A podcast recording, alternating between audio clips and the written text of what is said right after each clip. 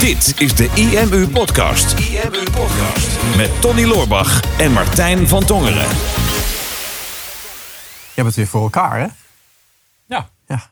Je weet niet wat ik bedoel. Nee, ik, ik, ik, ik, Ja, heb, ik, heb, ik heb best wel voor mijn gevoel ook veel voor elkaar. Maar Nou, je, je, je strategie bij de, bij de gym. ja, Je wilde heel graag vijf dagen in de week daar sporten, s ochtends. En dat Ja. kon niet. dat kon niet. Maar, maar zo niet, dan toch. ja, Dus je hebt het voor elkaar. dus zo niet dan toch mentaliteit. Hè? Ja. Die zit er weer even in.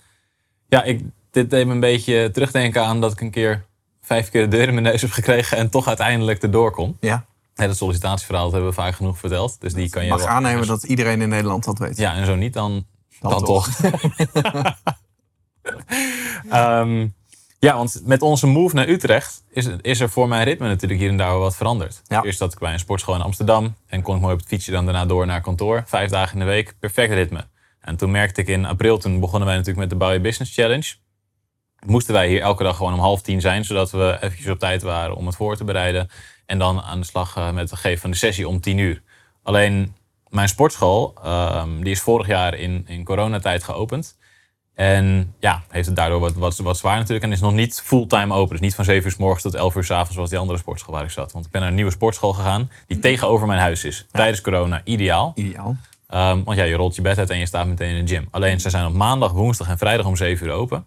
En op dinsdag en donderdag om 8 uur. Nou, als je alleen maar aan thuiswerken bent, dan kan je daar wel omheen werken. Alleen ja, als je om half tien in Utrecht wil zijn, dan red je het niet om van 8 tot 9 te sporten in Amsterdam.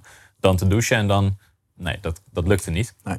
Dus ben ik in die eerste periode in Utrecht zaten, ben ik drie keer in de week gaan sporten. En dinsdag en donderdag niet. Ja, en op een gegeven moment begin je te zien.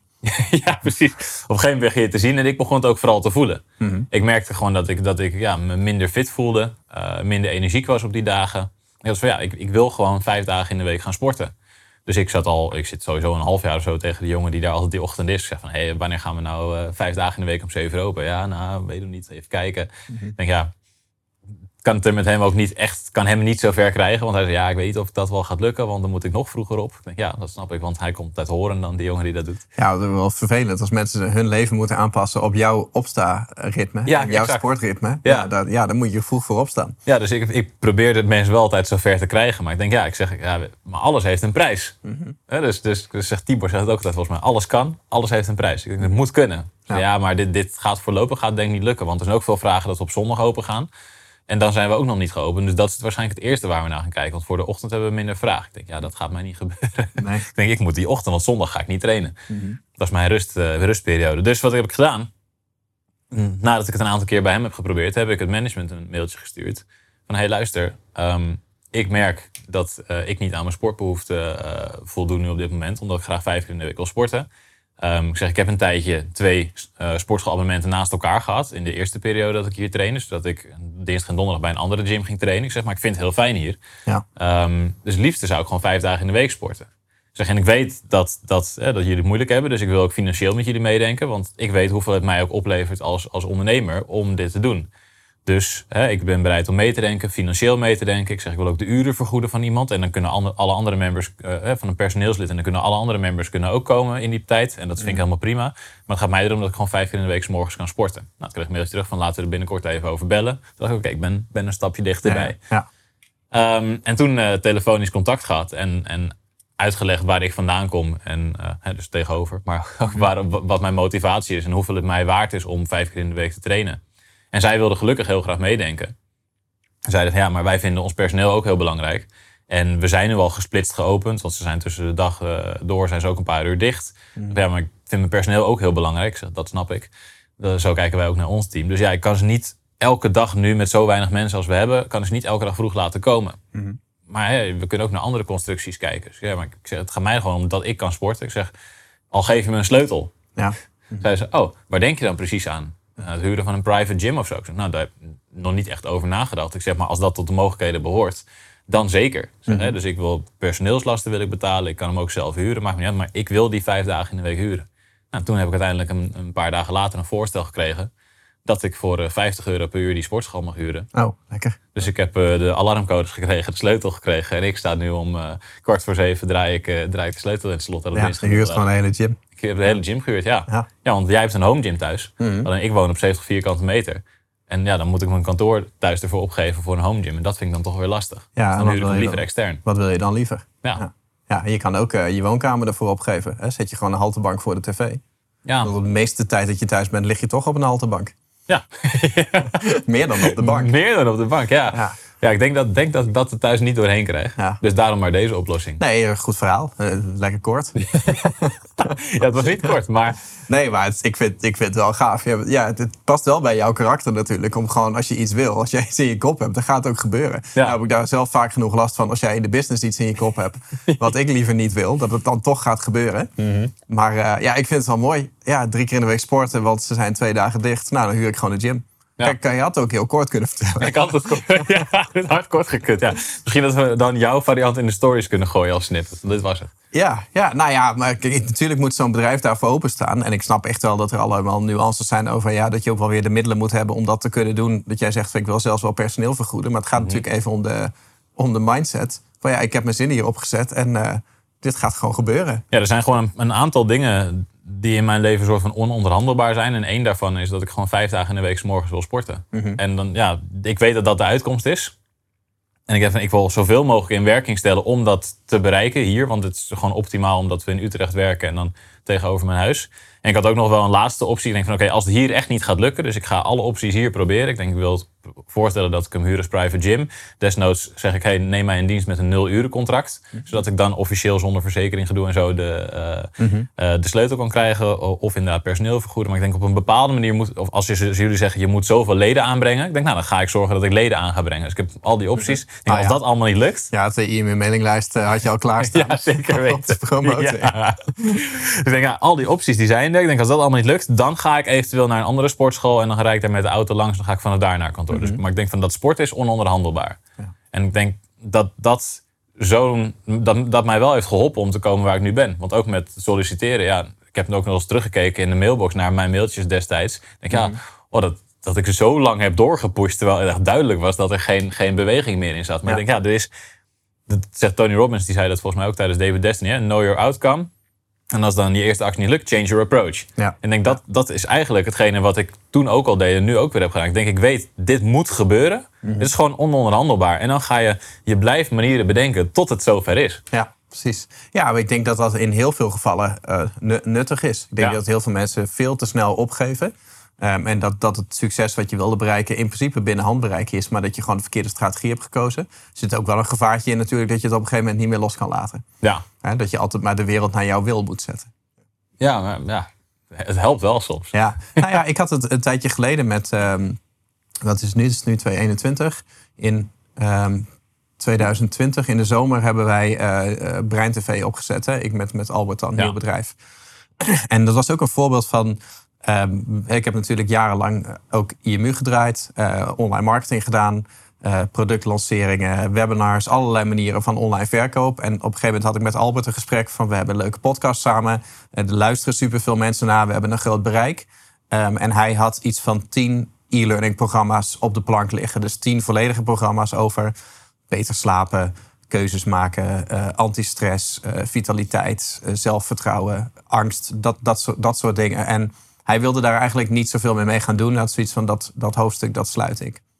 Dus toen dachten wij van, oké, dan is het best wel een mooie kans dat we gewoon dat allemaal in een platform gooien. Noemen we dat Brein TV, doen we dat voor een heel laag bedrag, voor twee tientjes in de maand. En dan gaan we dat gewoon koppelen aan die podcast. Dus we starten een nieuw bedrijf en dan hebben we de podcast als marketingstrategie en een product waar mensen gewoon lid van kunnen worden. En dat zijn we afgelopen zomer zijn we dat gaan lanceren. Gewoon op de typische IMU-manier. Dus gewoon een lancering uit het boekje gedaan. En ja, weet je, er zitten voor, voor duizenden, duizenden euro's aan waarde in, in dat platform. En hij heeft die programma's voorheen heeft hij die allemaal losverkocht en daar hele grote omzetten mee gehaald. Dus wij dachten, we gaan naar een andere strategie, lidmaatschap, rustig opbouwen en wederkerende inkomsten worden we daar mooi financieel vrij van. En alles is extra. Nou ja, toen gingen we lanceren. Eh 19,95 per maand kost het. En we gebruikten een mailinglijst van eh 10.000 man van, eh, die Albert al had. We hebben de mailinglijst van IMU ingeschakeld voor een weggever. We hebben nog eh, de mailinglijst van Benar van Puur Figuur ingeschakeld. Dus we bereikten echt tienduizenden mensen met een lancering voor een, een no-brainer product van 1995. Ja, en de eerste dag dat we live gingen, waren er twee sales. Ja, 40 euro. Ja. En, en de dagen daarna druppelde het een beetje binnen. We lanceerden volgens mij van, van woensdag tot en met de week erop vrijdag. En het, het druppelde maar. En op een gegeven moment was het eh, woensdagavond. Vrijdag zou de deadline zijn. En toen zaten we op 28 sales. Dus denk ik, ja, dat is 28 keer 20 euro per maand. En een aantal mensen hadden een jaar vooruit betaald... waardoor het nog goedkoper was. Ik dacht, ja, dit is, wel, dit is misschien wel de, de slechtste lancering uit mijn, uit mijn carrière. En ik baalde er echt zo van. Ik denk van, nou, hè, voor Albert en mijn, mijn broer za- zit erbij in. En ik wilde dat ook natuurlijk laten zien. En dacht van, ja, we gaan de lancering wel gewoon afmaken... zoals dat we het gepland hadden. Want ook al zit niemand erop te wachten... we blijven toch het doen zoals dat we het gepland hadden. En we trekken pas een conclusie na de lancering. Ja. Dus toen hebben we op donderdag hebben we een FAQ-mail gestuurd. Met dit is het aanbod, dit zijn de veelgestelde vragen. En je hebt tot en met morgen om te kopen. Dus toen kwam de afteller erbij. En vrijdag alleen maar een deadline-mail gestuurd. En wat denk je dat de eindscore was op vrijdagavond? Ja, ehm, een stuk meer in ieder geval. Ja, ik denk, ja, ik weet het getal. Dus. Oh ja, ja nou, 268. Ja. Dus, dus van 28 sales naar 268 sales. Nog in die laatste anderhalve dag. Dus vanaf donderdagochtend. En ik zat ernaar te kijken en ik, ik was heel erg opgelucht dat het toch gelukt was, zeg maar. Mhm. Ook al was het bij lange na niet wat ik had gehoopt. Maar zo laat maar zien, elk nieuw project, elk nieuw bedrijf moet je opbouwen. ja. Maar ik eh, dacht ook wel, eh, gaat onze camera uit? Of, eh, Oei. oh jee, moeten we morgen niet hebben.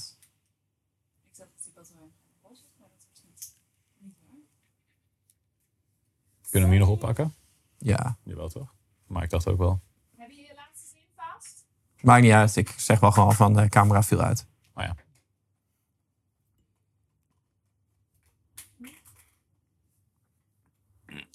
Nou, die ging wel snel leeg.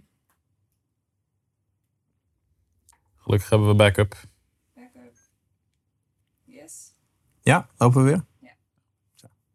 Nou, cameraatje viel even uit. Maar we hebben het natuurlijk heel smooth weggemonteerd. Ja. Waarschijnlijk niet gewoon een storing en dat ik nu weer verder ga. Nee, nee, maar als, je, als je gewoon er was doorgaan, had niemand het gemerkt.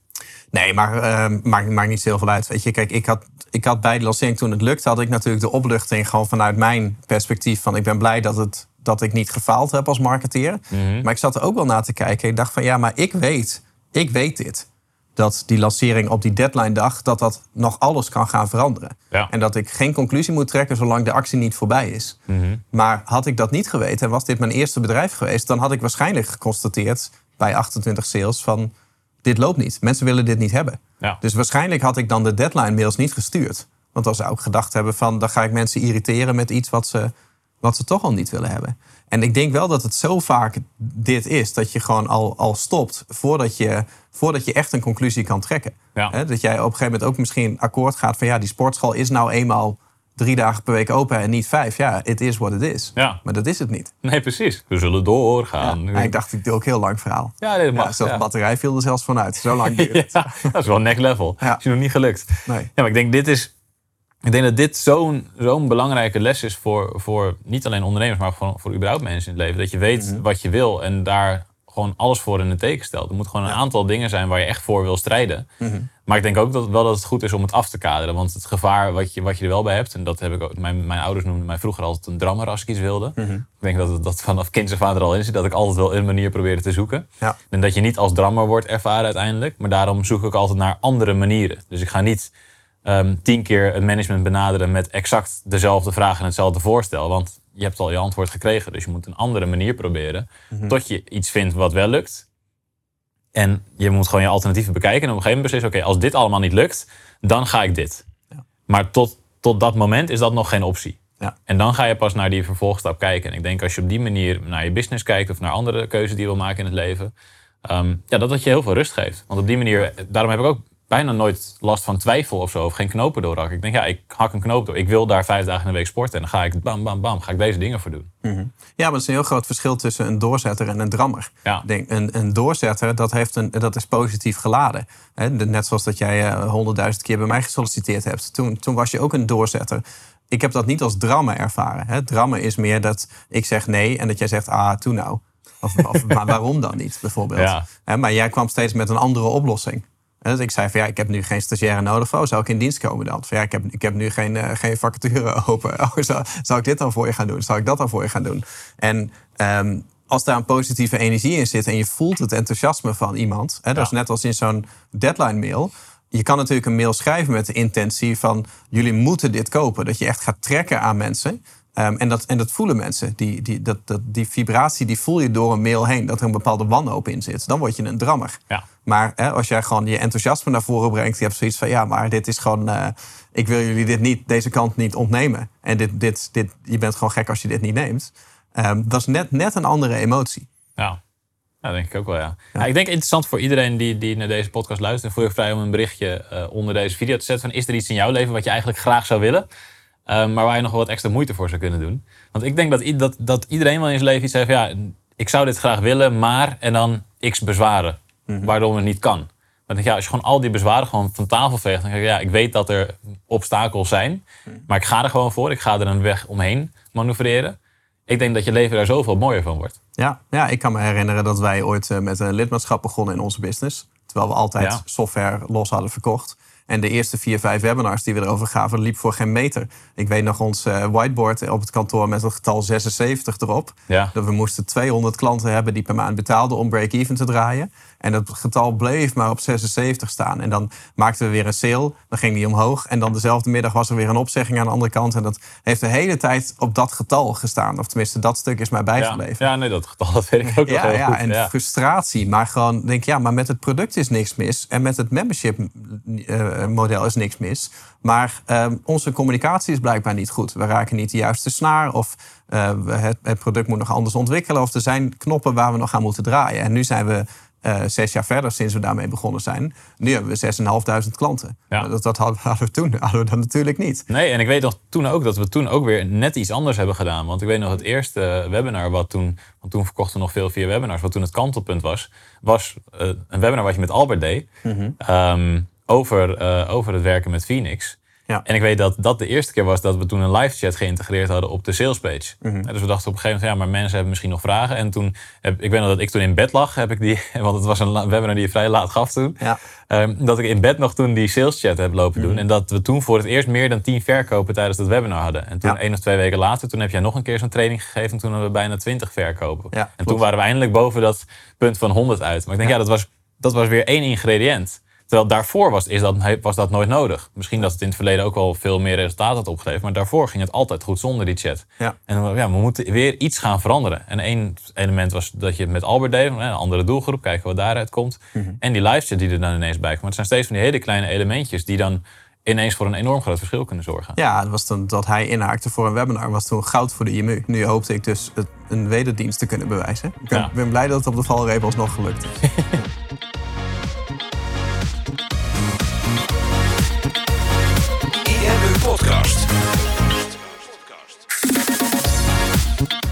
Super tof dat je hebt geluisterd naar de IMU podcast. Ik hoop dat je dit waardevol vond en dat je er inzichten uit hebt kunnen halen voor jezelf en voor je eigen business. Vond je dit nou een waardevolle podcast, dan zouden Tony en ik het heel erg waarderen als je dat zou willen delen. Enerzijds door dat bijvoorbeeld te delen via je eigen Instagram of via LinkedIn. Door een screenshot te maken van je telefoonscherm en ons daar even in te taggen. Maar wat we nog meer zouden waarderen is als je de tijd en moeite zou willen nemen om een review achter te laten. Werk je met een Apple-telefoon, dan kan je dat doen binnen je eigen podcast-app door daar een review te geven. Geef ons een x aantal sterren met daarbij een korte motivatie wat je van onze podcast vindt. Zouden we echt enorm waarderen als je die tijd zou willen nemen.